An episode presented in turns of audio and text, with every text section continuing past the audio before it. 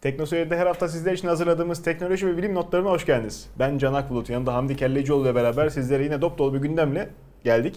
Ee, geciktirmeden maddelere giriyorum abi. Vereceğin herhangi bir yok, mesaj, yok. başlayalım. bir duyurun yoksa tamamdır.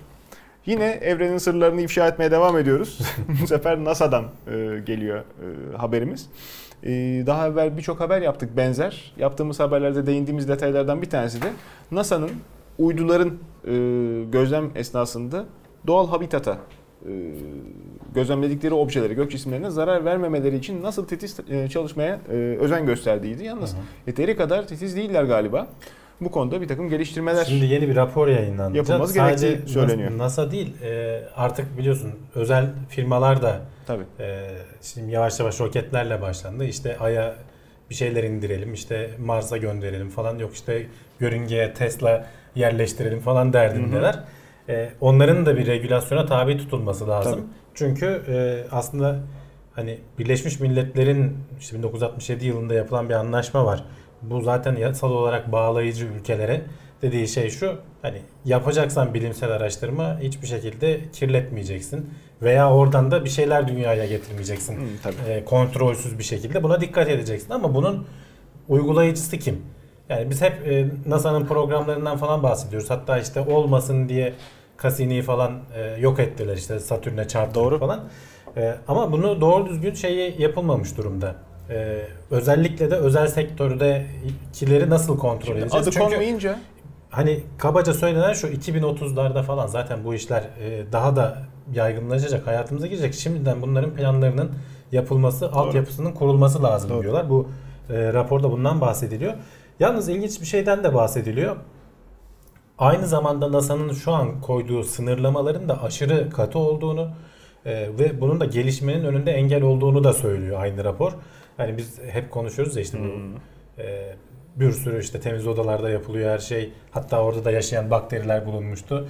İşte o, o temiz odalarda yapılan şeyler işte çeşitli sınıflandırmaları var. İşte gezegene ineceksen en temiz olman gerekiyor. Yörüngedeysen belli bir sınıflandırması falan var. Bunların biraz fazla katı olduğu ve e, bilimsel araştırmayı veya işte bu keşifleri engellediğini de söylüyor. maliyetleri Çünkü- çok yukarı çekiyor. Maliyetten Tabii. kasıt e, para değil, zaman da. Tabii tabii Hazırlık. zaman hatta bazen de belki izin vermiyorlar işte. E tabii, tabii. şeyi söylüyorlar. Şimdi şu şey fikri hep bizde de biz de aslında çok bunu söylüyoruz şeylerde gündemlerde. Mesela buradaki işte bir yüz, aracın yüzeyinde bakteri işte Mars'a gittiği zaman e, buradaki uzman onu demiş. Zannediyoruz ki hemen orada bulacak ve işte hemen çoğal delicesine çoğalıp bütün e, gezegeni ele geçirecek.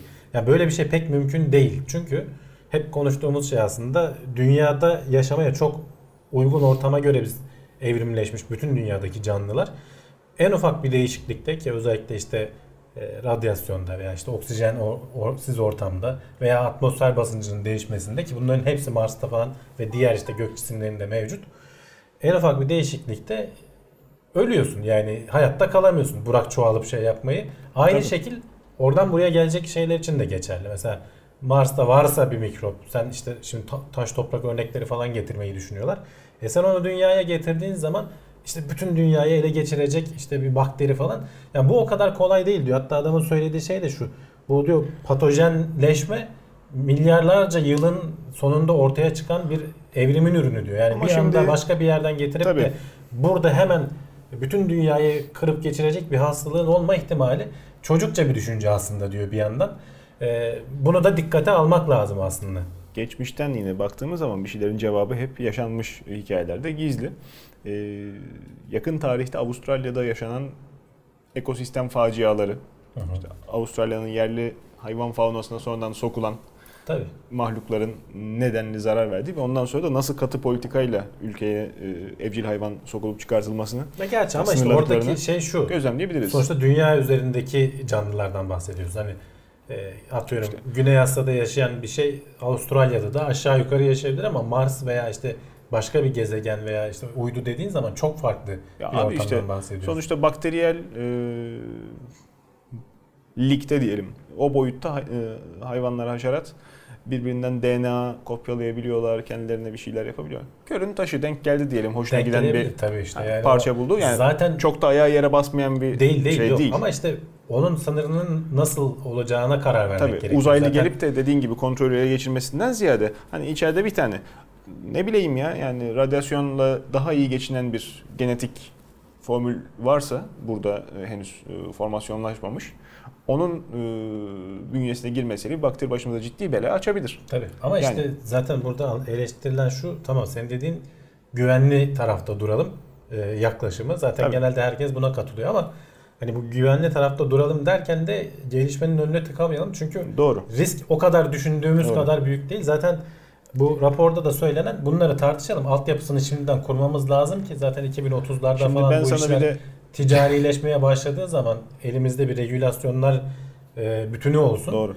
Ama tabii bu ne kadar geçerli olur, bu ne kadar kulak Ben sana ardı edilir o cehaletin sesiyle sesleneyim. Şimdi hani bu da dillendirilmesi ayıp diye çok söylenmeyecek bir soru belki.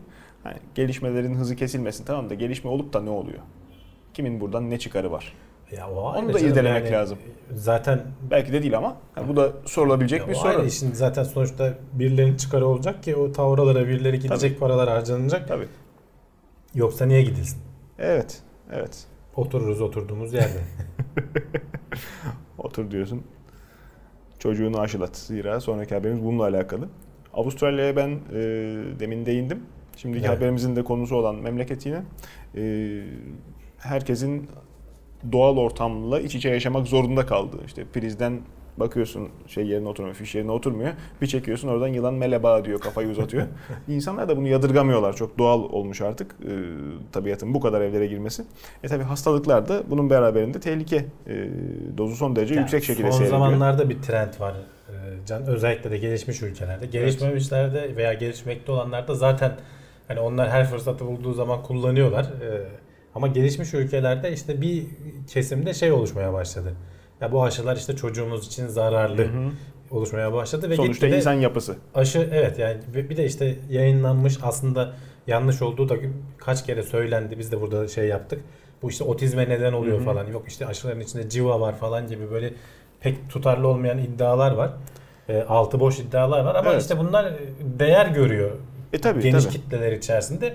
İşin ilginç yanı bunlar da eğitimli olduğunu düşünen kitleler. Hani tam anlamıyla da şey yapmıyorlar. İşin ayrıntısını öğrenmek yerine doğallığa bir işte övgüyle ben çocuğumu aşılatmayacağım diyor ve bu trend gitgide artıyor. Bak Belki çok yüz binde bir ihtimal ama sonuçta bu hani doğal sürecin dışında bir işlem ya hastaneye ziyarete gidiyorsun ve çocuğunun vücuduna bir iğne batırıyorlar. Oradan da vücuduna bir takım işte bir dire- işte direnci düşkün işlem mikrop zerk ediyorlar falan. Bazen komplikasyonlar Heh, oluşabiliyor tabii ve olmuş şey de var. dramatik sonuçlar Tabii. oluyor. Bunlar hemen medyada yer bulunca falan Tabii. zaten. Ama işte Ama düzgün türlü- aşı yapıldı çocuklar şu hastalıktan kurtuldu diye hiç İşte haber yapılmıyor. Şu ya bir kızamık zamanında e, bu işte İngiltere'de, Amerika'da yani bütün ülkelerde çok ciddi çocuk ölümlerinin birinci Tabii. sebebi Tabii. ner- neredeyse artık sıfırlanma noktalarına geldi 90'ların sonunda 2000'lerin başında. Şimdi tekrar işte 10-15 yıl geçtikten sonra ufak ufak tekrar artmaya başladı. Yani bindeliklerle söylenen dilimler yüzde birlere, ikilere gelmeye başladı. Hı hı. İşte Avustralya'da zaten buna daha önceden önlem almıştı. Şimdi para cezasını aylık olarak biraz daha arttırıyor. Aslında para cezası dediğim vergi indirimini kaldırıyorlar. Hani E işte. dolaylı yoldan para cezası olmuş oluyor. Ee, ki ebeveynleri biraz daha bu aşılama konusunda e, itekleyelim. Çünkü bu toplum sağlığını düşündüğünüz zaman belli bir seviyenin üstüne çıkması gerekiyor. İşte yüzde e, 90-95 mi ne aşılanma oranlarına ulaşman gerekiyor Tabii. ki tüm toplumun sağlığını koruyabilesin. Hani yüzde 80'le herkesi şey yapamıyorsun. Çünkü aşılar bunu daha önce konuştuk. %100 etkili olmuyor. Bazılarında oluyor, bazılarında olmuyor. Sen mümkün olduğunca hele özellikle bulaşıcılarda mümkün olduğunca herkese aşılaman lazım ki e, o bulaşıcı etkisinin sıfırlayabilesin. Özellikle Doğru. de kızamık. Doğru. Yani e, dediğim gibi sadece Avustralya'da falan değil bizim ülkemizde de geçerli. İngiltere'de, Amerika'da herkeste böyle bu aralar bir trend var. Şimdi bizde risk daha da büyük. Ee, yakın zamanda dış politikamızla alakalı bir göç Tabii büyük bir göç Aldık. dalgasına Ee, bağlı olarak bizim da. kendi içimizde çözdüğümüzü zannettiğimiz bazı e, hastalıklar hani aşılanmamış bireylerin tekrar gelmesiyle ve kötü şartlarda Orada şöyle bir gelmesiyle şey tekrar aslında. Savaştan ortaya. önce Suriye'nin aşılama politikası iyiymiş. Ee, ama tabii savaş ortamında Hı hı. bütün sistem bozulduğu için Tabii, son orada doğan çocuklarda tabii ki onlar da buraya geldiler. Tabii. Ama bizde işte aşılamaları biraz geç de olsa toparladık gibi görünüyor şimdi. E işte. Hmm. Onlardan daha ziyade işte uzun dönemde hadi o gelip geçici bir şey bizde dediğin gibi ekstra Hı hı. bir tehdit yaratıyor ama uzun dönemde bu tehdidi azaltabilmek için toplumun genelindeki bu garip eğilimi değiştirmek lazım. Ben demek istediğim işte Kampanyalarla falan. Okul çağında da bu çocuklar birbirleriyle e, münasebete giriyorlar. Tabii zaten orada asıl yani. Tabii yani Özellikle kış aylarında kapalı sınıfta falan. Avustralya para cezası getirmiş ama bizde henüz böyle bir yaptırım yok. Ya bizde işin ilginç yanı şimdi tam hatırlamıyorum o değişti mi bilmiyorum ama Anayasa Mahkemesi mesela aileyi haklı bulmuştu. Evet. Ee, aşı yaptırmayacağım diyen aileyi. Evet. O yüzden biz de bir kere daha hatırlatmış olalım. Yani bu şaka e, yapılacak tarafı yok. Gerçekten durum vahim. Sıradaki haberimize geçeyim. Bu biraz daha e, yüz gülümseten cinsten bir haber. E, son dönemde bayağı bir, sen de, de tesisini hemen gördük. Son dönemde bayağı bir ciddi şekilde viral video olarak e, internete karşıma çıktı. Örümcek nasıl uçuyor işte. Öyle mi denk geldi mi sana? Hiç Birkaç defa. gelmedi. Birkaç defa karşıma çıktı.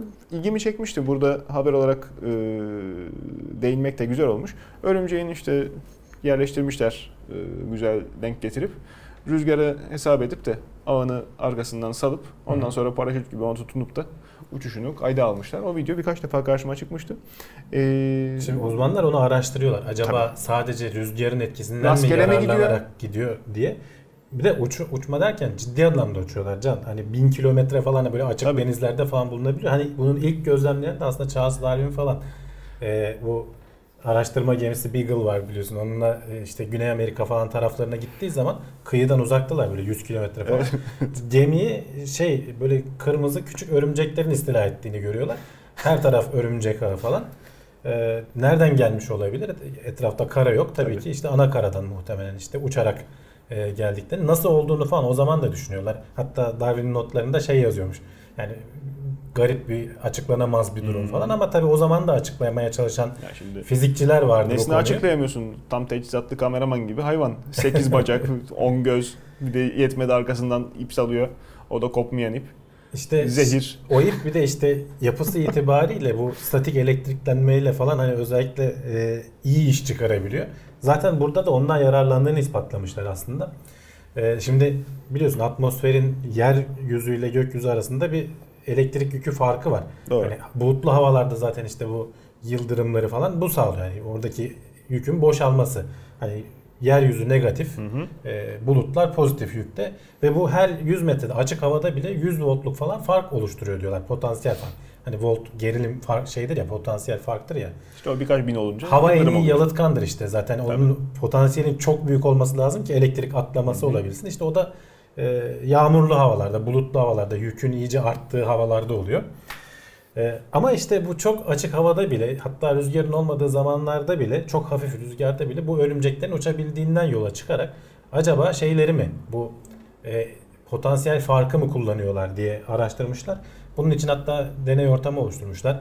Öncelikle şeyi ispatlamışlar. Hayvanların e, elektrik alanındaki değişikliği fark edebildiklerini. Hmm. Özellikle bu bacakları tüylüdür yani ön iki bacağını kaldırır falan böyle. Evet. Hem savunma saldırı için hem de o işte havadaki rüzgarı da ölçebiliyor diyorlar o tüylerin şeyiyle. Hem de elektriği de ölçebiliyor diyorlar. Elektriğe göre işte çeşitli e, elektrik alanını değiştirerek hayvanın ona göre pozisyon aldığını e, test ortamında ölçmüşler. Sonrasında sen zaten o işte şeyi saldığın zaman ipliksi e, örümcek ağını saldığın zaman onun da işte bir yüklenmesiyle bulunduğun ortamda özellikle de bunu mesela ağaçların yüksek dallarında yapıyorlarmış ki hani dedim ya her metrede bir Tabii. gerilim farkı da oluşuyor diye. E, ağaç da zaten yere bağlı doğrudan hani o şeyi alıyor. Hı hı. e, yükü alıyor. Daha iyi gözlem üstelik. Aynen hem de şeyde bunu işte çeşitli tabii stratejiler için kullanıyorlar. Ya bir yerden bir yere gitmek için, başka yerlere gitmek için ya da bir avcıdan kaçmak için kullanabiliyorlar. Ee, ya ilginç bir teknik. Evet. Tabii çok ağır olmaman lazım bunu şey yapabilmen için. Belki ileride bu tarz Yok benim örümcek adam olma gibi projem yok da. e, bu tarz uçma yöntemini kullanan küçük dronlar vesaireler falan da görebiliriz yani. Bilmiyorum yani şimdi işin içine yük taşıma girince hani örümceğin ağırlık, güç e, potansiyeli, dayanıklılık potansiyeli gerçekten çok yüksek. Tabii. Onun içine yani uzaktan kumanda edilebilecek yahut ne bileyim e, veri toplayıp da onu mevcut teknolojiyle çok zor gibi Mevcut gözüküyor. değil canım ileride diyorum zaten şu anda da mesela o büyük örümcekler bunu yapmıyor. E, tabii. Dediğim hep bahsettiğim küçük küçük örümcekler. Tarantula da kıllı mıllı şimdi hani belki elektriği anlıyordur ama onun bir reaksiyonu yok. Dediğin gibi. Valla onun kaçması da gerekmiyor hiçbir şeyden zaten can. Öbürleri kaçıyor diyorsun. Aynen. Peki. Panama'da kapuçin maymunları. Hollywood'da birkaç filme konu olmuş hayvanlar hem de işte Küçük sevimli, sevimli sempatik. maymunlar. Ha. Ama kedi, bir o kadar kedi da kadar falan büyüklükleri böyle. siyahlı beyazlı Evet. bir o kadar da akıllı hayvanlar olmalarıyla dikkat çekiyorlar. Ee, taş devrine girmişler primat Evet. oldukları için. 2-3 milyon yıl gecikmeyle. ne yapıyor? Yontuyorlar mı? Aynen. e, taş araç kullanmaya başlamışlar. Hani bu e, özellikle bu hayvan davranışlarını inceleyen bilim insanları için önemli bir Hmm. ayraç. E, primatlar arasında yapan zaten bizim dışımızda bir dört, dördüncü tur olmuş galiba bunlar.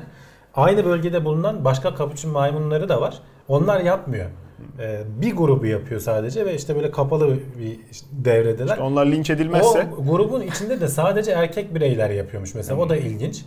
Ee, yaptıkları şey de işte taşı alıp cevizleri falan ezmek. Yani bu e, bir zeka göstergesi aslında. İşte bir sonraki aşamada o taşları daha bir güzel yontmaya başlıyorsun. Birkaç yüz bin yıl sonra belki. Sonra gitgide gelişerek ilerliyorsun. Şimdi tabii hani ne var canım işte hayvanlar işte şey yapmışlar, taş kullanmaya başlamışlar. Bize ne diyebilirsin de bize şöyle biz nasıl başladık bu işlere? İnsanlık veya işte diğer primatlar nasıl başladı? İşte canlı örneği var önünde. Yanında yapmayanları var, yapanları var. Aradaki farkları Tabii. algılayıp insanın gelişimi nasıl olmuş? Ee, nereden gelmiş? Nasıl bu- ne şartlar altında böyle bir şey ortaya çıkmış? Bunu anlamaya çalışıyor bilim insanları. eğitim zaten insanlara bakmayı öğretmek. Baktığın zaman her yerde e, güzel örnekler bulmak, e, ciddi iyi çalışmalar yapacak malzeme aslında var. Ama bakmayı Tabii. bilmiyoruz çoğu zaman. Zaten burada da mesela bu maymunlar bu daha önceden raporlanmış ama mesela özenek yetmezliğinden veya e, botanikçilermiş galiba bunu iş yapanlar kendi ilgi alanlarına girmediği için Tabii. dikkatlerini çekmemiş. Sonradan ya burada ilginç bir durum var. Biz bunu şöyle işte bu tarz için az önce söylediğim şekilde kullanabiliriz diye. Türkiye'de olsa maymun bana taş attı gitmişler. öldürdüm diye şey yapar hani adam. Olmayan da şey değil. Yani dediğim gibi mesela hani sonuçta bu bir maymunun taş kullanması ilginç bir şey değil. Çünkü diyorum başka primatlar var. Şempanzeler falan zaten bir sürü alet kullanıyorlar. Hani sadece taş değil. Yani bayağı bildiğin kürek haline getirdikleri dallar var. İşte termitleri o yedikleri Ya, sigarayı karıncaları içeni de var çıkarıyorlar. da Ya senden görünce Ha. yapıyordur canım o ayrı. burada espri herhalde hiçbir insan dahli yok. Yani taşı Yok yok burası zaten doğa parkı. Tabii. Tamamen kapalı düzen. İşte diyorum ya bir de özellikle ilginç olan etrafındaki başka gene kapuçin maymunları Hı hı. başka gruplar bunu yapmıyor. Bir grupta bu gelişmiş. Onları karşılaştıracaklar. Evet. Evet. Yontma taş devrine girmiş hayvanlar. girmiş olmuşlar. Vallahi biz de tatil devrine girdik. Ee, Medeniyetin son e, artık refah seviyesinin maksimum olduğu aşama. İnsan ırkının e, bir bölümü olarak bir kısım çalışıyor, bir kısım e, izin kullanmalara başladı. Ee, Öğrenciler zaten evde yatıyorlar ne zamandır. Ciddi bir problem. Yani sürekli de bunun üzerinde geliştirme çalışmaları yapılsa da hala daha bilim adamları araba başında, direksiyon başında neden uyuduğumuzu Hı hı. izahını yapmaya uğraşıyorlarmış. Tam olarak anlamaya çalışıyor. Evet. Çünkü işte sorunu tam çözdüklerinde farklı e, strateji geliştirerek belki bertaraf etmek Ya mümkün burada olacak. özellikle araştırdıkları şey bu arabadaki o hareket motorun titreşimi işte yolun Hmm. e, üzerinde giderken oluşan titreşimler hani düşük frekanslı titreşimler senin beynini belli bir duruma sokup uyku öncesi durum hani diyorlar ya Evet. o beyindeki frekanslar da ölçülüyor ya uykunun farklı fazlarında farklı farklı beyin dalgaları oluşuyor. Seni bu işte arabadaki titreşimler e, belli bir uyku öncesi duruma sokup gitgide böyle ağırlaşmana neden oluyor belli bir süre içerisinde. Bunu nasıl önleriz? Buna hangi ne kadar hangi frekans aralığında e, bu tarz bir etki oluşuyor falan bunları ölçmeye çalışıyorlar. E, gerçi hani bu şu an yapılan bu deneyde bu habere konu olan deneyde 15 20 kişilik mi ne grubu incelemişler. Hani şey olarak çok az. E, ve inceledikleri titreşim aralığı da 4-7 Hz arasında. O da hani çok dar diyorlar. Bunların genişletilmesi lazım ama sonuçta bir akademik makale çıkabilmiş. E, bir yandan tabii gene eleştirilerden biri de şey şu. Yaptıkları şey 60 dakika seni bir simülatöre sokuyorlar. Yolda gidiyorsun. Yol biraz tek düz ediyorlar. Hani zaten orada hiç titreşim olmasa hani koltuk seni uyutmasa bile e, o yolun o tek düzeliği normal trafik olmasının dışında e, seni zaten uyutuyor diyorlar. Evet. Ama işte sonuçta bu koltuk tasarımlarını falan etkileyecek e, kadar e, endüstrinin bir şeyi olabilir. Ya da bu araştırmalar boşa gider. Otonom sistemler İşte o konuda girer. benim- sen uyur gidersin yani. O konuda benim etmek istediğim birkaç laf var. Ee, çünkü çok önemli de konu. Geçmişte de çok e, bu konuda yapılan araştırma takip etmişliğim vaki. Ee, bir kere tedbir açısından diyeyim otomobilin e, bizim günlük hayatta içinde vakit geçirdiğimiz hacimlere göre daha küçük bir kabin olması birinci sıkıntı kaynağı. Hı. Otomobile denk sayılacak asansör var. Asansörde bile insanlar afakan basıyor pencere yok diye çok anlaşılmıyor ama sonuçta e, içinde 45 dakika 40 dakikadan itibaren karbondioksit seviyesi yani normal sağlıklı solunumun ötesine geçecek şekilde eğer e, dış havalandırma kesilmişse problem oluşturmaya başlıyor. Sunroof e, yurt dışında çok sık kullanılır. Bizim memleketimizde ama pek tercih edilmeyen donanımlardan. İşte geçmişte su, Ekstra maliyet. ha, su damlattıkları şimdi parasını verse de alamıyor insanlar. Beyaz araba binmeye mecbur edildikleri için. Ama sunroof güzel havalandırma. Veya işte arabada sunroof yoksa e, iki camın çapraz şekilde birer parmak Hı. açılması suretiyle o akustik rahatsız edici gürültü ve işte içeride çok fazla hava sirkülasyonu olmaksızın Şey olmaz mı hocam? Havalandırmayı dışarıdan alsan. Yani o yeterli olmaz da Daha bayağı üflüyor yani. daha gürültü ya. Bir de havalandırma Hı. her zaman e, eski arabalarda bilhassa e, içerideki borularda klima kullanımını çoğu insan bilmiyor. Klimayı cart diye kapatıp ko- kontağa iniyorlar. Hı. Klimayı bir müddet kapatıp işte hatta mümkünse de buradan sıcak hava verip borulardaki rutubeti almak lazım. Koku Kim- yapıyor. Kim uğraşacak ona? Ha, kimse uğraşmıyor. İşte uğraşmadıkları için ondan sonra iç havalandırmayı çoğu insan kullanmak istemiyor. Hı hı. Mecbur kalmadıkça. Klima kullanımı elbette güzel ama dışarıdan havayı alıp soğuttuğunda da hem işte yakıt tüketimi hem de verimlilik açısından çok pratik olmuyor. Doğru. Ee, yeteri kadar hızlı soğutamıyor arabanın içini. Klimayı sonuna Bu da kadar dolaylı yoldan karbondioksit Miktarını artmasına neden oluyor. hele ki arabada bir kişiden fazlaysa. Hı. Zaten hacim küçük. Bir de üstüne işte nefes alıp veren bireyler. Ee, Ama onun etkisini hemen hissediyorsun ya zaten. Bir böyle bir daralma geldi deyip açıyorsun işte hemen bir yani. İşte o daralma geldiğini hissettiğinde insan açamayabiliyor camı. Hı. Direksiyon başında sızmak. Hele bir de herkes uyuyorsa diyorsun Aa, arabada. Tabii. Doğru o da var. Arabada uyun. Şimdi bu birinci tedbir. Bir e, diğer tedbir arabada asla ne yaparsanız yapın uyumayın sahir zamanda. Yani insanlar arabada sürücülükten başka bir şeyler yapmayı seviyorlar genelde. Hı. Kenarda park halinde falan durup e, arabada dinlenmek de bazı insanlara iyi fikir gibi geliyor. Ama Hı. Otele para verin veya işte çadırınız varsa neyse onu kurun ya da çıkın dışarıda işte bir dolaşın nefes alın. Arabada uyumayın deniyor zira uyuduğumuz yeri hani yerini yadırgama psikolojisi vardır ya Hı. insanda. Uyuduğun yeri insan bir kere öğreniyormuş. Kokusu, işte o koltuğun yumuşaklığı vesaire kafaya kazanıyor ve sen orayı yatakta bundan sonra e, kullanıyor gibi hissediyorsun. Yolda giderken uyuyabilme riski de oluyor. Şerit çizgilerine odaklanmak bir diğer sıkıntı. Kesikli şerit çizgileri özellikle. Hı. Ee, Hipnotize ediyor diyorsun adamı böyle gitgide. Evet. Yani ben uyumaya yaklaştım çok büyük ihmal ama işte e, her zaman yol üzerinde birkaç saat aralıkta mola vermek müsait olmayabiliyoruz. Hı. Psikolojik olarak da bunu işte pro- programı iyi yapmak lazım. Trafikte beklediğimiz süre bazen esnetiyor. Özellikle işte bu e, topluca bayram tatillerinde, büyük- izin günlerinde falan Doğru. e, yaşanan sıkıntı. İşte yetişmek işin içine girince mola vermeyi ihmal edebiliyor insan. O zaman da işte uyku sınırı esnetilmiş oluyor. Büyük risk. Muhakkak ne olursa olsun e, 3-4 saatte bir en e, geç aslında şey yapmak lazım. Bir durup e, kültür fizik hareketleriyle beraber vücutta kan 3-4 dolaşımını sağlamak yani. lazım. Daha da fazla Ya 6 geçemem. saate kadar şey var da müsamahası var. Gerek yok. 3-4 saat e, daha ideal. Arabada çocuk falan varsa can zaten mutlaka o aralığı şey yapıyorsun yani. Gece yolculuklarında abi dediğin gibi. Şimdi memlekete gidiyor insanlar tırnak içinde memlekete. 600 kilometre, 1000 kilometre yol. Ee, zaten Bir an sıkıcı önce bitsin otoyol. diye. Ve evet geceliğin içeride herkes uyuyorken bir önce bitsin dediklerinde benim ahbabım var e, uyuyan. Hani e, sol şeritte uyuyup da tekerleğin e, şey yapmasıyla Uyanan titremesiyle anda. tabii sağ şeridin dışında e, bankete düşmüş uyanan insan da var. Yani e, kaza yapanlar anlatamıyorlar. Asıl sıkıntının sebebi o. E, otonom sistemlerin devreye girip de insan hayatı kurtarmaya başlamasına daha çok var. Yani şu anda e, piyasadaki O örnekler zamana kadar bunlara dikkat edin diyor. kesinlikle kesinlikle piyasadaki örnekler işlerini iyi yapıyorlar. Sürücünün uyuduğunu yani tam otonom araba beni bilmem nereye götür deyince çuvallıyor ama direksiyon başında sürücü uyuyup da veya bir şekilde rahatsızlandığını araba hissedip bugün olgun tepkiler verebiliyor birçok model. Hı. Özellikle lüks segmentte. O açıdan teknoloji ilerledi ama hala daha tam çözüm değil ve piyasadaki bunların yaygınlığı çok düşük. Doğru. O yüzden şimdi tatile çıkacak olanlar da vardır bizi izleyip belki hala yolda olanlar vardır dönüşte falan. E, dikkat etsinler. Benim şahsi ricamdan ziyade çok daha önemli güvenlik önlemi. E, araba kullanırken uyumak çok büyük bir sorun. Direksiyon uykusunun çok tatlı olduğunu söylüyorlar. E, uyku Uyuyanlar. çok tatlı canım zaten yani yani böyle işte ağır böyle ağır. tatlı tatlı kayıp gidiyorsun. Kapanı veriyor. Yapılan bir başka araştırma tabii uykuya e, alternatif bir diğer örnek, e, diğer teknoloji kahve. Sık kahve içenlerin ömrünün uzadığı efendime söyleyeyim kahve içmenin ömrü uzatan bir tesiri oldu. Ya evet can binlerce kişi üzerinde tabi burada hani eleştirilebilecek noktalar da var onları söyleriz. Bu 498 bin kişi üzerinde yapılmış e, bir araştırma.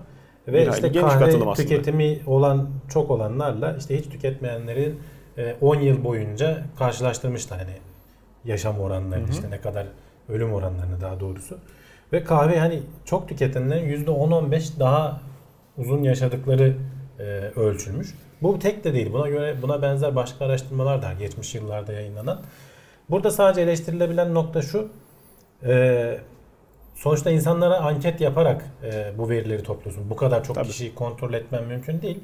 E, anket yapıyorsun. İşte günde sonuçta şu kadar zamanda ne kadar kahve içtin veya kahve içme alışkanlığın nedir falan gibi sorular soruyorsun. Bu çok doğru sonuçlar vermeyebilir diyorlar. E, tabii bir yandan başka şeyler de var. Mesela araştırmacılar onları dikkate almışlar. Mesela sigara içiyor mu içmiyor mu? Onları hep normalize etmişler istatistik Hı hı. bu sonucu çıkarmadan önce. Ee, o tür şeyleri hata paylarını hesaba katıyorlar ama işte Evet. katamadığın ve verinin ana kaynağını oluşturan şey bu tarz böyle büyük gözlemsel araştırmalarda insanlara sorup onlardan cevap almak ki insanları da gerçekten şey değil. e, güvenilir kaynak değiller aslında. Herkes yanlış hatırlıyor çoğu şeyi.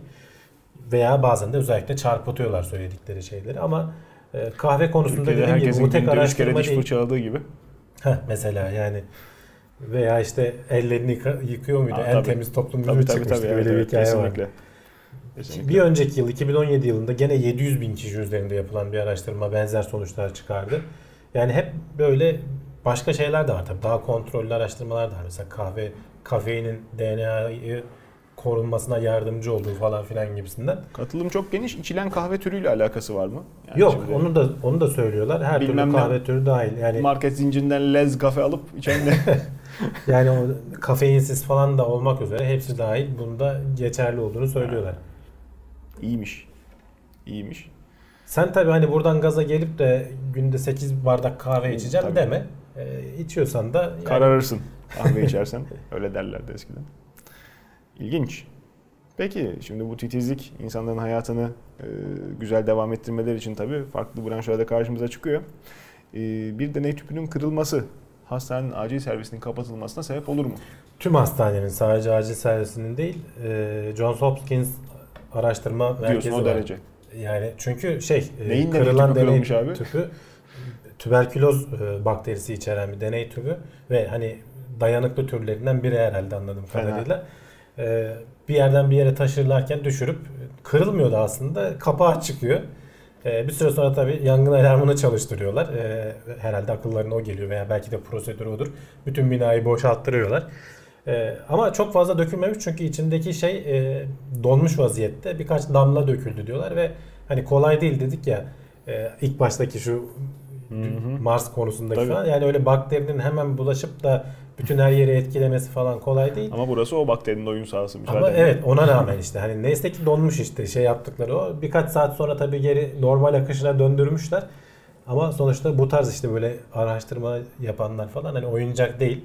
Böyle elimden kaydı ay düştü falan dediğin zaman koca bir şeyi tesisi boşaltmana neden olabiliyor yani. Yani bunun diğer boyutunda hukuk sistemi var. İnsanlar hesap sormaya başlar bu Ya sefer. bulaştığı zaman hani bu Benim elim kesildi hastaneye gittim. dayanıklı e, türleri 8-9 ay 10 ay hani tedavi edilemeyen de oluyor. Bazıları Tabii. iyice dirençli oluyor.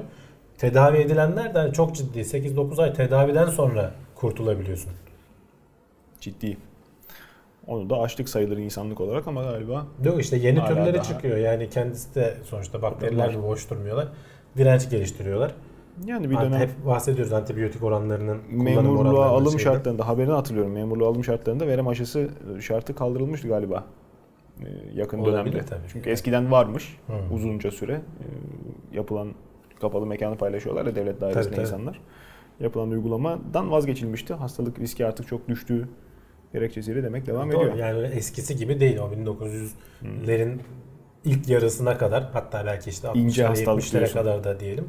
Tabii yani çok ciddi bir hastalık. Hatta hep e, eski dönemleri anlatan filmlerde vesairede bilirsin hep şeydir mutlaka bir verem veya romanlarda falan da geçer. Evet. Biraz tabii beslenmeyle falan da alakalı. Hani vücut zayıf düştüğü zaman.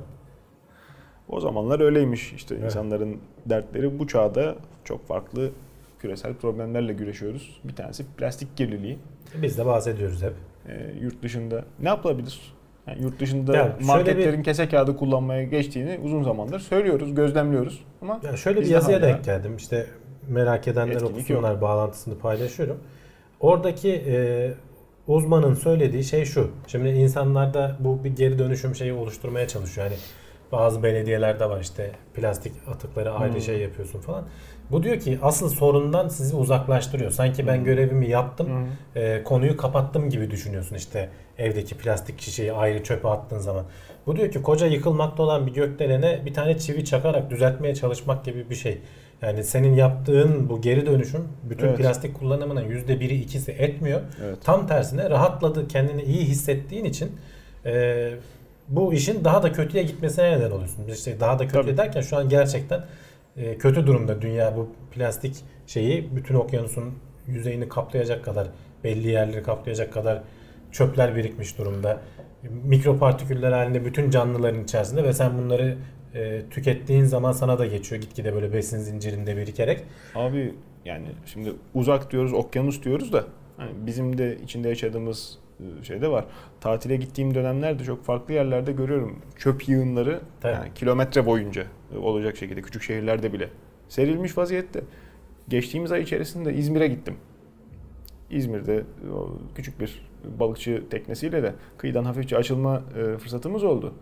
Güzel gün, eğlenceli gibi bir e, ortam. Bir baktık ileride bir şey Geliyor. duruyor. Ha, yok deniz üstünde, yok öyle değil. Yüzgeç değil, kümbet. Karetta karetta. Ölmüş hayvancağız. Ha, Şişmişti. şey, Bu masa kadar abartısız. Ege denizinde. Niye ölür ki? Üstünde yara yok, ısırık yok, bir şey yok. bir şey yemiştir. yutmuştur. Ne yemiş? Bunlar deniz anası yiyor ya. Beyaz bizim bakkal poşet. poşetlerini deniz anası zannediyormuş hayvan. Ondan sonra o giriyor içeriye tıkıyor. Ondan sonra Ya öyle ruhunu evet. teslim ediyor. Yani sen öbür tarafta Bak poşet dedin ya e, bu poşetlerin kullan ortalama kullanılma ömrü 12 dakika diyor ve bunların doğada yok olması yüzlerce yıl sürüyor. Tabii. Yani bu çok anlamsız bir şey diyor. Adamın Evet. buradaki yazıda anlattığı şey bu. Evet. Bunu da al, önlem almamız gereken. Bu arada az önceki haberde maymunlardan bahsediyorduk ya. Hı hı. Orası da hani doğa şeyi dedim, e, tabiat parkı dedim. İnsanların girmesi vesairesi falan hani orada yerleşim kurması yasak ama orada da mesela yazının içinde şey geçiyordu. Hep kıyıları bir sürü plastik parçası. Bu maymunlar bazıları onları alıp da kullanıyormuş. E, Evet. Oralara kadar ulaşıyor yani kurtulma şansı Tabii canım. olmuyor. Tabii. E, bu adamın önerdiği şey şu. Bunu diyor yasal yol yollarını yapmamız lazım. Yani geri dönüşümle vesaireyle falan tamam bunu yapalım ama asıl mesele bunun baştan kullanılmamasını sağlamak. Mesela şimdi bazı geçtiğimiz aylarda falan belki haberlerini görmüşsünüz. Singapur Şu ülkeye plastik ya. pipetlerin yasaklanması Doğru, falan doğru. gündeme Doğru. geldi bazı ülkelerde. Av- Avrupa Birliği'nde miydi? Doğru. Yani o pipet, pipetler tek kullanıyorsun ve atıyorsun ondan Öyle, sonra öyle. ve onlar Öyle. yüzlerce yıl e, doğada kalmaya devam ediyor. İşte gidiyor bazı hayvanların Hı hı. e, sindirim sistemine tıkıyor falan. Hani bunları yapacağımız şey e, adamın önerdiği şey dediğim gibi yasal olarak bunlara önlem getirmek vergi bazı ülkelerde yapıldığı gibi vergisini arttırmak e, tek kullanımlık özellikle su şişeleri vesaire falan İnsanın eline ne verirsen onu kullanır. Şimdi Zaten onu diyor. Seramik bardaktan diyor. Bu kadar içiyoruz. büyük çaplı Tabii. düşünemez diyor. Hani Tabii. biraz küresel ısınma falan da buna benzer bir durum. Yani Çok fazla büyük etkileri vesairesi falan olduğu zaman ve bu etkiler ufak ufak geldiği zaman insanların algısını aşıyor. Biz o kadar geniş çaplı düşünebilen yaratıklar değiliz. Ee, bunları işte devletin regüle etmesi lazım. Başka hani kişisel çapta yapabileceğimiz tabii ki geri dönüşüme önem verelim ama diyor bu plastik kirliliğini daha çok gündeme getirin diyor. Yani duya görebildiğiniz yakın akrabalarınızdan falan başlayarak hani insanlara bu derdi anlatın ki bir bilinç oluşsun. Bu şekilde bir yazıydı. Hani ilginçti bu Evet. geri dönüşüm olayının faydadan çok zarara belki hizmet ettiği açısından bakan değişik bir bakış E, açısı. bizde de sevimli kampanya e, baktığın zaman aslında yani firmalar bunu manipüle ediyor diyor. Tabii. Sen görevini yaptın. ama ihtiyaç sahiplerine Şey tekerlekli sandalye e, kampanyası vardı ya bir zaman. Ha, Şişe kapak kapaklarını toplayıp evet. götürüyorsun. Çılgın gibi kapak toplamışlar. E, işin perde arkasına bakıyorsun. Aslında o e, kıymetli granül elde ediliyor kapaklardan. Onların şişeden ayrılması da önemli bir maliyet. Sen adamları ondan kurtarıp veriyorsun. Adamın oradan aldığı e, kar o tekerlekli sandalyenin e, evet. 300-500 katı. Ama seni onunla mo- motive ediyor. Sen adama ucuz işçilik yapmış oluyorsun gibi. Dediğin gibi en güzeli tüketimi azaltmak. Yani Ve, tükettikten ve sonrasını bunu şey devlet çapında olması lazım. Hani yasal Tabii. olarak olması lazım. tabii. Ya şimdi öbür tarafta da kese kağıdı deyip geçiyoruz. Kese kağıdında da ağaç kesiliyor. Tabii. O da çözüm. Ya işte bu mümkün olduğunca tek kullanımlık şeylerden belki uzaklaşmak lazım. Evet onu diyeceğim. Ee, alışveriş filelerinden bahseder annem. Hmm. Eskiden varmış çocukluğunda onun, e, onlar kullanıyormuş. Ondan Ya bizde sonra de bir ara marketlerde falan böyle oldu ama kimse dönüp bakmadı yani. Et- işte sen motive etmezsen orada poşet varken kimse tutup da Tabii. fileye tenezzül etmez ama sen onu kaldırırsan insanlar istemeye istemeye de olsa kullanmaya başlarlar. Tıpkı cep telefonlarını kullandıkları gibi birçok insanın kafasında değişmeyen soru artık işte unibody oldu Son bunlar. zamanlarda evet. İçinden pili çıkmıyor. Sim kartını söküyorsun ama tam sökebildin mi emin de olamıyorsun. Bir tornavida yeri yok. Bıçakla da açılsa şimdi pahalı zıkkım diye insanlar işkillenip duruyorlar. Bir ara Samsung'lardan sökülüyordu galiba dinleme modülleri. Ya o tabii çok komik bir Haber. Ya Ben şimdi son zamanlarda sosyal medyada falan çok görmüşsündür. Ya tam işte o gün bilmem bir şeyden konuştuk, bir konudan konuştuk. Hemen reklamı geldi. İşte bu telefonlar bizi sürekli dinliyor. Yani bu Hmm. son bir iki senedir Tabii canım. e, bayağı paranoyak bir şekilde ilerleyen bir şey. Gerçekten Herhangi bir insanlar şeye fark yok. ediyorlar onu. Tabii. Yani herhangi başka e, kanıt aramaya gerek yok. Buradan gidiyorsun Beşiktaş'a belediyemize hoş geldiniz diye. İşte ba- bağlandığın baz istasyonundan mesaj Ya o geliveriyor. olabilir hadi tamam baz istasyonundan falan bağlanıyorsa da konuştuğum bir şey. Mesela atıyorum işte ya yine bir üniversiteye tekrar girsem okusam mı muhabbeti yapıyorsun. Üniversite reklamları çıkmaya Tabii. başlıyor bir anda sana. E burada insanlar ilişkileniyor. Veya işte atıyorum bir İzmir'e tatile mi gitsek diyorsun. İşte e, ucuz turlar falan geliyor hemen karşına. Evet. Ya bunun tabii birkaç açıklaması var. Hani biz bunu daha önce gündemlerde falan da konuşmuştuk o zaman haftalık gündemlerde. Seni sürekli dinleyip de bunu rapor etmesi falan hani bu sistemin pek pil açısından falan da mümkün değil. Ama buna artık kafayı takıp araştıran Belki onu bir kapatsak olmuş. pil 3 gün gidecek. Öyle değil işte bak. Ee, Northeastern Üniversitesi, Üniversitesi'ndeki e, araştırmacılar biz bu işe bir el atalım demişler. Hı hı. Ve e, Android üzerinde tabii yapmışlar bunu. 17 bin uygulamayı bir yıl içinde takip etmişler telefonlara e, yükleyip. Gerçekten de konuşulan şeyleri karşı tarafa ulaştırıyor veya kendimizin yani normalde olmasının dışında bir ihtimal şey var mı? E, iletişim var mı karşı tarafla? Herhangi bir ses dinleyip de aktarımı tespit edememişler. E, bunların içinde şey de var. Facebook'ta var ve Facebook'la iletişim kuran uygulamalar da var. Hani 8000 uygulama da Facebook'la falan da iletişim kuruyor bu şey işte Facebook'la login olma vesaire falan veya Tabii. reklam gösterme falan gibi konularda. Ee, ses konusunda herhangi bir şey tespit edememişler ama tespit ettikleri başka bir şey var. Bazı uygulamalar, bazı siz- bir uygulamalar şey yapıyor. Senin o sırada telefonu nasıl kullandığının ekran görüntüsünü ya resim olarak çekip gönderiyor karşı tarafa ya da kaydedip e, gönderiyor karşı tarafa. E, ve burada da gerçekten senin ekranda o sırada yazdığın özel bir şey varsa bunu şey yapıyor. E, karşı tarafa sızdırmış oluyorsun. Bunu tespit etmişler bir uygulamada. ismini falan da veriyorlar.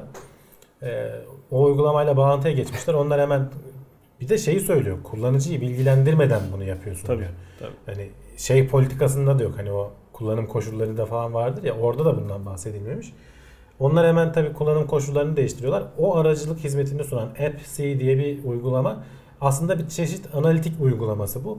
Ee, firmalar bunu şey için, bu uygulama geliştiriciler şey için kullanıyorlar. Sen uygulamayı nasıl kullanıyorsun, nereleri daha çok kullanıyorsun? Biz buradan bir geri bildirim elde edelim. Ama bu tabii tespit edilen. Yani hayır AppC de diyor ki bu adamlar bizim sistemi yanlış implement etmişler. Bizim sistemde şeyler var diyorlar. Nerelerin hani gizli kullanıcı verilerini içerebilecek alanları bizim görmemizi engelleyebilecek alanlar var. Hani doğru kurarsan bunları işte şifre ekranını falan bizim sonuculara göndermeyebiliyorsun. Ama bu adamlar implement ederken bunu sisteme yerleştirirken bunlara dikkat etmeden yapmışlar. Google falan da tabii işin içine girmiş. Biraz bunlara doğru bir şekilde yönlendirmek için gerekli önlemleri aldık falan gibi bir açıklama yapmışlar. Bu sonuçta hani bu pilav daha çok su kaldırır. Bu daha çok tartışılır. Ama e, bu tarz şeyler Evet. Uygulama, şimdi bu araştırma özür dilerim. Android üzerinde yapılmış diyorsun. Hı hı. Öbür tarafta Apple gerçeği var. Yani Ya Apple şeyinde bulut şeyin sisteminde biraz daha ekosisteminde biraz daha sınırlamalı gidiyor hep. Mesela böyle gittiğini sana gösteriyor. Sen müdahale edemiyorsun. Kendi yok şeyde yapıyor. falan mesela telefona şeye ulaşmak istediği zaman e, ekran görüntüsü veya işte mikrofona falan ulaşmak istediği zaman mutlaka senden bildirim alması gerekiyor. Yani Apple bunu tabii şey yaptığını iddia ediyor. Yani E işte onu diyorum zorladığını iddia ediyor ama başka türlü şimdi uygulama geliştirenler bilir başka türlü mikrofona erişim izni yok zaten.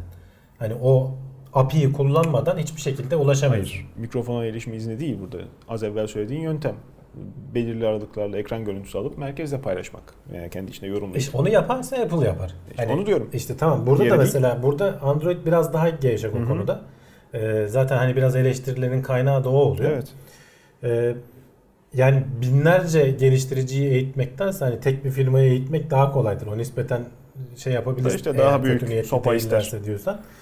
O ayrı konu ama işte sonuçta bunun şeyleri hep tartışmaya devam edecek. Şeyi küçük küçümsememek lazım Can. Bu büyük veriden elde edilebilecek şeyleri Oo, küçümsememek tabii. lazım. Çünkü insan insana benziyor. Ya şimdi Hani ama bunlar daha çok seni dinlemekten ziyade e, senin profiline uygun, senin sitelere girdiği sitelere giren adamların neler yaptığını, ne istediğini bildikleri zaman kabaca seni de çıkarabiliyorlar. çok doğru söylüyorsun. Zaten bu veriler oradan geliyor aslında. Bir de şu var hani insanoğlunun bakış açısı. Şimdi farklı örnek ama aslında örtüştüğüne de inandığım için paylaşacağım. Benim yani günümde önemli bir kısmı otomobil, işte trafik tahlili geçen sağımdan solumdan malzemeler ilgilendiği için arkadaşlarımdan da bazen e, sorular alıyorum. Araba seçme arefesinde olanlar bilhassa e, ulaşmaya çalışıyorlar. E, şu araba nasıl, şunu alayım mı, şunu gördüm ne menen bir şeydir falan diye. Ondan sonra sık sık yani bu bir defa iki defa olmadı. Ee, ilgilendikleri arabayı ya ne tarafa baksam onu görüyorum Hı. dediklerini Ya işte algıda seçicilik diyorsun. Algıda seçicilik. Sen şimdi İzmir'e e, tatile geleceğini bana söyleyip de ondan sonra telefonda İzmir için ucuz turlar gördüğünde aa beni dinliyorlar diyorsun ama öncesinde sen belki farkında olmadan kim Tabii, nerelere tabii, neler yazdın ne aradın. Unutuyorsun çünkü. Doğru. O arabalar hep oradaydı. Trafikte havuz işte. Hepsinden belli oranda var. Ama sen uyarılmayınca de onu görmüyorsun, Can, fark gün etmiyorsun. içerisinde telefonun yanında sürekli her şeyi konuşuyorsun. Bir tek İzmir'le tabii. ilgili atıyorum Tabii. tatille ilgili Tabii. şeyleri çıkarttığı zaman aha ben bunu konuşmuştum diyorsun. E diğerleri niye çıkmıyor o zaman? Yani, tabii o da var. E, Yani bu zaten hani çok dediğim gibi teknolojik olarak da o kadar öyle çok mümkün bir şey değil. Hani bu O absürt örnek ama ile- dediğin e, falan. ekran görüntüsü alarak merkezde paylaşma yöntemi beni huylandırdı. Yani bu diğer insanların da belki üzerinde durması gereken şey. Çünkü şu zıkkımın dediğin gibi e, içeride ne yapıp bittiğini sadece kendi firmasının beyanıyla bilebiliyoruz. Ötesini bilmiyoruz. Evet. E, ne yapacağız? Kuş diliyle mi yazacağız? Yapacak bir şey yok. Kuş yani, digi ligi. Onu da unuttuk artık. Onu, şey onu da çözerler zaten. Yani artık. bir şeyleri çözmeye çalışıyorlar. Farklı yöntemler geliştiriyorlar. Sıradaki haberimizin konusu insanlardaki şiddet eğilimini azaltmak. E, Bunun için elektriksel uyarı. Ne Evet. yapıyorlar? E, Kafaya, Kafaya elektroşok mu? elektroşok gibi algılıyorsun ama değil. Tabii ki çok düşük e, amperler. 2 miliamper. E, 20 dakika uyarmışlar. 86 kişi üzerinde bir test yapmışlar Can. Önce 20 dakika kafaya bir şey yerleştiriyorlar ve doğru akım geçiriyorlar. E, senin prefrontal lobunu uyarıyorlar bu akımla. Hı hı. E, sonrasında da bir teste tabi tutuyorlar. Tabii bu 86 kişinin yarısını deney grubu olarak ayırmışlar. Yarısına bu şeyi hı. uygulamışlar. E, ve iki tane olay söylüyorlar sana. İşte birinde e, kız arkadaşına laf atan bir adamın kafasına şişe geçiriyorsun. E, birinde de e, neydi? Şişe vuruyorsun. Tabii tabii geçiriyorsun, kırıyorsun Kafayı şişeyi, şişe adamın geçirmek mi nasıl duydun? yok yok Tamam. sen senin algın farklı ondan. Birinde de gene böyle başka bir olaydan sonra oluşan bir şey. Sonrasında ikisi bu şeylere, e, deneklere sordukları soru bu hikayenin kahramanı olsan aynı şeyi yapar mısın sorusuna. E, bu beyninden elektrik geçirenler ilk durumda %47, ikinci durumda %70 oranında daha az şiddete eğilimli cevap vermişler. E, ve hani bayağı fark var arada. Hani öyle %5'lik, 3'lük, Tabii 5'lik canım. falan değil. Yani yarı yarıya bir tanesi de Gözlemlenebilir. %70'e varıyor. Buradan çıkardıkları sonuç şu. Yani biz hep diyorlar bu şiddet eğilimliliğini falan biraz şeyden bahsediyoruz diyor. İşte sosyoekonomik durum, çevresel faktörler Hı hı. vesaire falan ama işin bir de biyolojik kısmı var. Burasını hep üstün körü geçiyoruz. Bu gibi testler bunu kanıtlıyor aslında. Buraya da biraz şey yapmamız E lazım. ne oldu şimdi kimyevi hadım mı? yani Varacağımız nokta oraya mı geliyor? bilmiyorum artık bu burada bahsedilen beyne elektroşok şok değil de neydi onun bir ismi var hatta zaten burada yazıyor. Hafif elektrik uyarımı diyeyim işte. 2 milivolt. Yani öyle şey yapmıyor. Şok verip şey yapmak gibi değil. 9 Bazı- volt pili yalayınca hani böyle ekşi ekşi. E, Doğru yere uyarman lazım. Anlıyorum. Ama Anlıyorum. asıl ilginç olan işte dediğim gibi hani bu şiddet eğilimindeki hep sosyal şeylerin yanında işin biyolojik temelleri de olduğunu gösteren Tabii canım. ilginç bir araştırma. Tabii. O önemli doğru. Ha, Farklı sorunları çözmek için yeni yöntemler denemekten bıkmamak aslında herhalde gelişimin anahtarı olsa gerek. Geçtiğimiz haftalardaki programlarda sık sık değindik. İşte çözüm e, diye bakılan küresel ısınmaya karşı enerji kaynaklarının yeniden dizaynında güneş panelleri önemli yer tutuyorlar ama o kadar da gündemde yer bulamamalarının farklı sebepleri var. Üretim tekniği bunlardan bir tanesi. Kırılganlıkları işte güneş gittiğinde ne yapacağımız sorusu o kadim soru. Şimdi bakteri destekli güneş panelleri e, üzerinde bir takım Yani çalışmalar yapılıyor. güneşten enerji elde etmenin birkaç çeşidi var biliyorsun. Bir paneli doğrudan elektrik Hı hı. üretebilir şekilde yapmak. Bir işte aynayla bir yere yansıtıp o enerjiyi işte türbini döndürecek buhar elde etmek güneşin falan. ultraviyolesi değil de ısısından istifadeyle Ha, sıcak su suyu ısıtmak. üretmek falan. E, bu da bir yöntemlerden biri. Burada da bakteriler, bazı bakteriler biliyorsun hani bir güneşin ışığından kendilerine enerji üretebiliyorlar bitkiler gibi. Bu bakterilerdeki bu maddeleri ayrıştırarak panel yapmayı falan uğraşmışlar ama bu maddeyi bakteriden ayrıştırmak zor oluyormuş. Pek mümkün olmuyormuş. Ayrıştırıldığında da bozuluyormuş zaten. Hmm. Şey düşünmüşler ya bakteriyi doğrudan kullansak ve onu etrafında işte e, akımı aktaracak artık nasıl bir teknik kullanıyorlar yazıda bahsedilmiyor. Bir şey oluştursak ve yapmayı başarmışlar. E, tabii ki şu anki güneş e, panellerinin verimliliğine ulaşmıyor. E, henüz daha deneysel aşamada. Hani bunu geliştirilmesi lazım diyorlar ama bunun avantajı şu.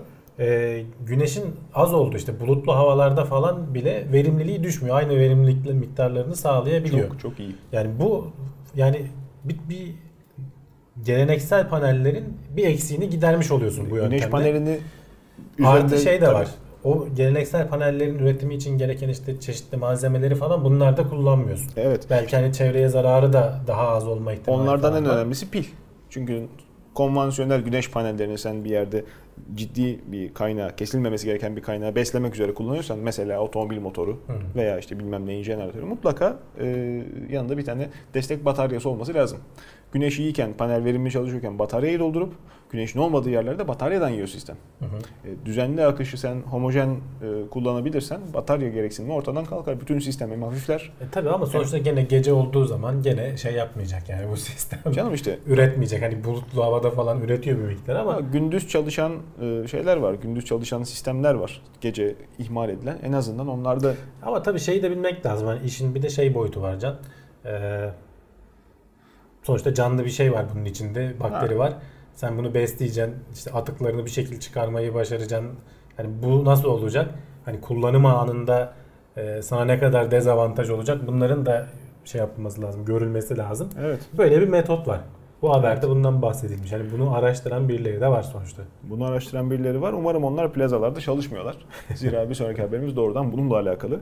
E, beyaz yakalı dostlarımız üzecek ama kravat takmak beyne giden kan miktarını azaltıyormuş. Sanırım bu yüzden insanları mecbur bırakıtırıyorlar. Yani, e, isyan olmasın, işleri Fazla güzel şey yapsınlar. düşünemesinler diye.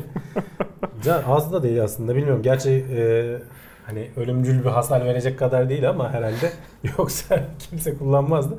%7,5 oranında e, bu sonuçta özellikle de sıkıyorsan herhalde Hı hı. şuradaki damarları engellediğin için beyne kan gitme oranını %7,5 kadar düşürebiliyormuş. E, mümkünse hatta işte başka araştırmalar da var buna benzer. Göz tansiyonunu arttırdığına yönelik falan. Doğrudur. E, glokoma mı deniyordu? Öyle bir hastalık Hmm, var evet. biliyorsun. E, takıyorsan da biraz gevşek bırakmakta fayda var sanırım. Çok böyle sıkıp şey Şimdi yapmayacaksın. bu tavsiyeyi tabii kravat takan adama değil, amirine söylemek lazım. Ee, Yani Çalışanını jilet gibi görmek istedikleri yani. zaman. Artık gerçi kravat kullanımında da hatırı sayılır bir düşme var gibi hem. Yani Yo, özel sektörde de, özel sektörde eskisi gibi değil tabii de. Özellikle hani e, devlette falan gene hiç tam yani, hız devam ediyor. Yani insanlar artık biraz daha spor giyinmeye, müsamahakar olmaya başladılar. E, kılık kıyafet konu. Elbette güzel bir şey ama işte sonuçta bu da e, geçtiğimiz yüzyılın mı modası? Daha evvelinde ne kadar eskiye dayanıyor kravat? Yo bayağı eskiye dayanıyor. Hırvatların da. milli kıyafetiymiş. Hatta oradan Tabii, geliyormuş. Onu biliyoruz da. gerçi şey alıp bütün dünyaya e, yayanlar e, onlar galiba. Ha, kravat şeyi oradan geliyor işte. Ee, ama işte herhalde çok böyle yaygınlaşması son 100-150 yıl falan. Papyon yani. bitti bak mesela o şaşalı günlerinde. Var ara ara, ara kullananlar görüyoruz. Sünnet ya. çocuklarına takıyorlar. O yüzden Yakalı gömlek zaten tartışılacak bir şey tasarım. Hani yaka ne işe yarıyor? Kaldırıyorsun, hmm. şeye benzemiyor, indiriyorsun. Canım moda sonuçta. Hani. Kola diyorsun, kimyasal israfı. Canım moda da işte geçmeyen moda bunlar. Tekstilde çok sorulması gereken soru var. Hani öyle. Bir sürü şeyi insanlar niçin yaptıklarını bilmeden yapıyorlar. Yani desenler falan zaten onunla ilgili de çok e, espri konusu olmuştur. E, pazarlarda satan biraz işte ucuz markaların sattığı üzerinde hikmeti e, anlaşılamayan bir takım numaraların efendim yazıları. Bas, bas gitsin ne olacak ha, California diye. Surf Club 1986. niye yani? niye? Onun gibi bir şeyin yaparsın. Yani özellikle ucuz markalarda gidiyorsun. Beğendin diyelim bir tişörtü mü, gömleği mi, zıkkım neyi beğendin? Gidip aynısından alamıyorsun bir daha. Mümkün değil. Yok. O o zamanın modasıydı. Bitti. Doğru. Ben sevdim He, onu. Değiştiriyorlar. Yok. Al, buldun mu alacağım birkaç tane o zaman. Ha işte o da ayrı mesele. Hani döndür döndür giy iyi bak. Ee, iyi markalar öyle değil. İşte belli çizgisi var. Aynı ürünü sen 40 sene 60 sene adamların raflarında bulabiliyorsun. Evet. Yani değişmeyen ürünü var. Yırtıldığında üzerinde. O da zaten bir statü sembolü oluyor aslında. He artık. Bak sıradaki haber de onunla ilgili. Evet evet. alışveriş kültürüne bağlanmış olduk ister istemez. Yüksek testosteron pahalı alışveriş Anadolu demişsin ama o bildiğin kadındır. Yüksek testosteron değil. Yok bu erkekler üzerinde yapılan bir araştırma. Tamam işte testosteron diye yükseliyor sonuçta. İşte olur mu canım testosteron erkeklik hormonu sonuçta. Saldırganlığı falan da arttırıyor.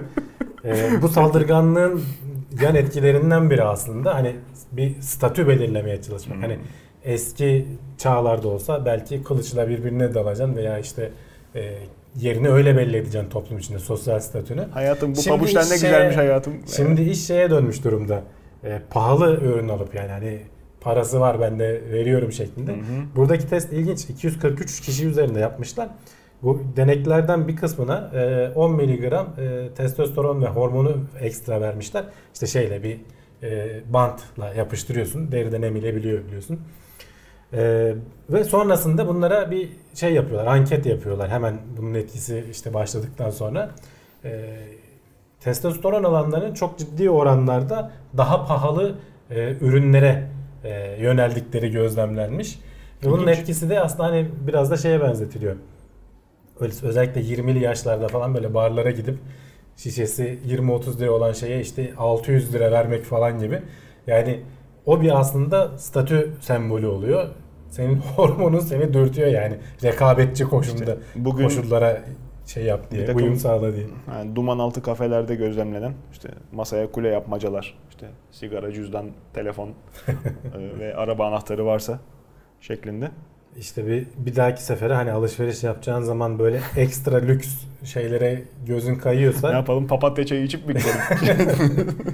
bir, ne tavsiye bir şöyle derin nefes al. Ha, peki. Bu ben değilim de. Ama bu cüzdan benim. Peki. bu haftaki haber maratonumuzu burada bitirdik. Ee, varsa da, e, eklemek istediğiniz herhangi e, içerik yahut işaretiniz bakıyoruz yorum faslına girebilirsiniz. Teknoseyir.com internet sitemiz. Biz oradan da takip edebilirsiniz. E, sosyal medya hesaplarımızda muhtelif kanallarda var. Takipte kalın efendim. Hoşça kalın. İyi seyirler.